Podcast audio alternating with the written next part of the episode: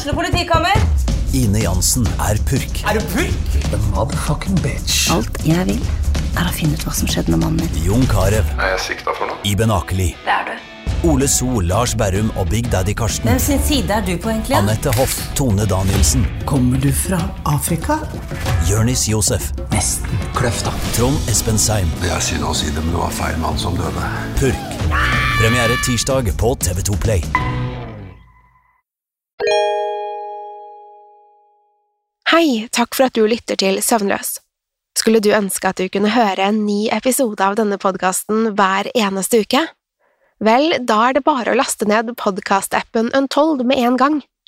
I tillegg til ukentlige episoder av podkaster som Skrekkpodden, Truecrimepodden og Henrettelsespodden får du masse annet reklamefritt og eksklusivt innhold. Last ned Untold i AppStore eller Google Play, og start din 30 dagers prøveperiode i dag.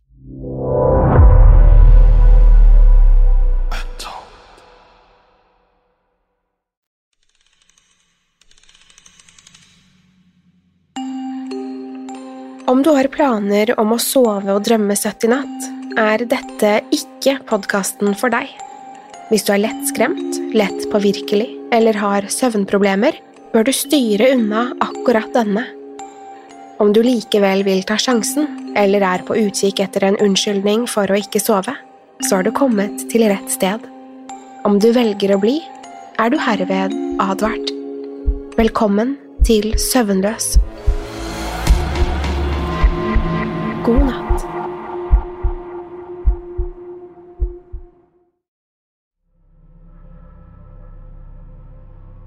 Det hele startet som en spøk. Samboeren min og jeg avholder en del fester, og som det alltid er, pleier folk å glemme igjen saker og ting. Luer og jakker er gjengangere, men også skjerf, vesker og alt mulig annet. En gang fant jeg til og med et par briller kilt inn mellom sofaputene. Glassene var skikkelig tykke også, så jeg skjønner ikke hvordan eieren hadde kommet seg hjem uten dem. Som regel får vi en telefon neste morgen eller i løpet av uken fra eierne av de gjenglemte tingene. Likevel hender det at ingen savner dem.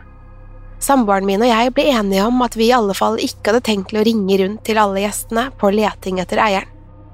Så om noen savnet noe, fikk de ta ansvar og ringe selv. Alt vi fant, kastet vi i en trekiste i et skap hvor det ble værende til noen hentet det. For ikke så lenge siden avholdt vi en vinterfest, og noen så ut til å ha glemt igjen buksene sine. Bare så det er klart, vi avholder ikke den typen fester, så jeg var ganske overrasket da jeg fant buksene under opprydningen. Det var et par turbukser av den typen du har utenpå de vanlige klærne dine, så de ikke blir våte og kalde. Buksene var pent brettet sammen og etterlatt i et hjørne. Jeg regnet med at noen hadde brukt dem på vei til festen, for å så ta dem av da de var vel inne. I alkoholrusen hadde de nok bare glemt dem på vei ut i de små nattetimene. Samboeren min så gjennom bilder fra kvelden før, men kunne ikke se noen med turbuksene på seg. Dermed ble de slengt i trekisten i skapet. Da samboeren min lukket kisten, sa han at vi sannsynligvis kunne kle opp en eller to personer med alle de klærne vi hadde. Vi lo sammen, men jeg innså snart at han antageligvis hadde rett. Senere rotet jeg derfor gjennom kisten for å se hva vi hadde. I tillegg til turbuksene lå det to finskjorter, en rekke jakker og luer, et par hansker, tre skjerf og to par sko der. Den kvelden, mens samboeren min hadde reist ut en tur, bestemte jeg meg for å gi ham et lite støkk idet han kom hjem. Jeg satte en av skjortene på en kleshenger og hang en jakke over den. Med klesklyper festet jeg hansker til jakkeermene og turbuksene til skjorten, og pakket et skjerf rundt det hele. Så hang jeg opp hele stasen i gangen, plasserte en lue på toppen av det hele og satte et par sko under buksebena. Buksene hang et par centimeter over gulvet, og ved første øyekast så det faktisk ut som det lurte en person inni klærne, spesielt når lyset var avskrudd. Snart kunne jeg høre døren åpnet seg idet samboeren min kom hjem. Han var i ferd med å gi seg til kjenne, men avbrøt seg selv med et lite, lavfrekvent hyl. Jeg kom løpende ut i gangen i full latterkrampe, hvor jeg fant samboeren min med en hånd på brystet og med et irritert ansiktsuttrykk. Klærne på hengeren svingte forsiktig fra side til side. Veldig morsomt, ropte han oppgitt. Det var nesten så du ga meg hjerteinfarkt. Jeg beklaget meg, men fortsatte å le, mye høyere enn han så ut til å like. Snart sprakk ansiktet hans opp i latter også, nå som det første sjokket hadde gått over. Resten av kvelden lo vi av spøken min, og jeg klukket fortsatt litt for meg selv da vi la oss for natten. Det skulle ikke bli like morsomt da jeg måtte opp i løpet av natten for å bruke toalettet. Jeg labbet søvnig inn på badet og skrudde på lyset, men skrek til da jeg fikk se den livløse klesdukken henge fra dusjstangen. Samboeren min hadde flyttet den før vi la oss for å ta hevn. Fra soverommet hørte jeg søvnig latter. Dette skulle bli en greie den neste tiden. Samboeren min og jeg flyttet klesdukken rundt i huset i et forsøk på å skremme hverandre. Etter en stund var det ingen av oss som fikk det til lenger. Dukken fikk navnet Albert, og etter et par uker var han blitt et vanlig syn i huset vårt. Fra tid til annen flyttet vi ham rundt. Noen ganger sto han på kjøkkenet, andre ganger i spisestuen eller lå henslengt på sofaen foran TV-en med en øl i hansken. De gangene jeg fant ham der, hentet jeg en boks selv og satt meg i lenestolen. En av disse gangene kom samboeren min inn og spurte om jeg ikke skulle flytte på Albert. Jeg lo litt og sa at han var der først, så jeg ville ikke forstyrre ham. Samboeren min så oppgitt på meg og snappet opp Alberts øl. Det der kommer han ikke til å like, sa jeg med et lurt smil. Å ja, hva skal han liksom gjøre med det? gliste han tilbake. Det var et par dager siden. I går kom jeg hjem og fant Albert stående ved vinduet, innerst i spisestuen. Klærne hans var tilgriset med noe rødt, og en dryppende kniv hvilte i hansken hans. Det var et ganske skremmende syn, når jeg applauderte samboeren min for kreativiteten.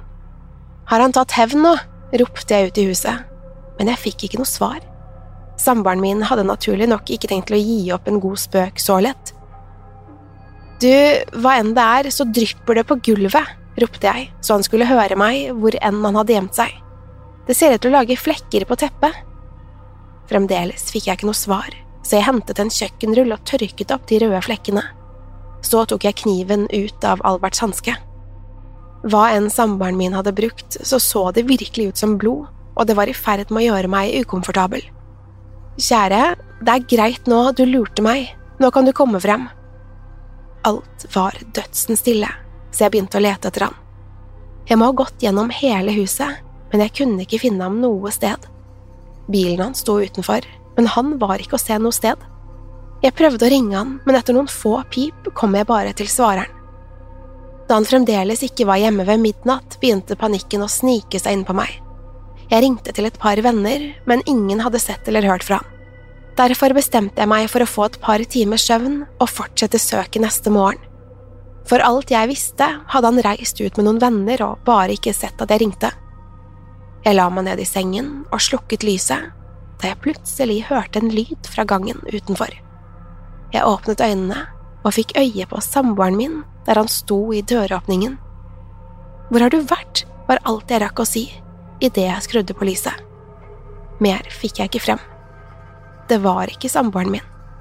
Det var Albert. Han hang fra dørkarmen og svingte sakte frem og tilbake over skoene sine.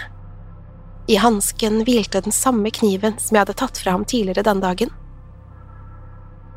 Hjertet mitt hamret. Det var selvfølgelig bare samboeren min som hadde dratt spøken altfor langt, men da jeg ropte på ham igjen, svarte han ikke. Frykten skjøt opp i meg.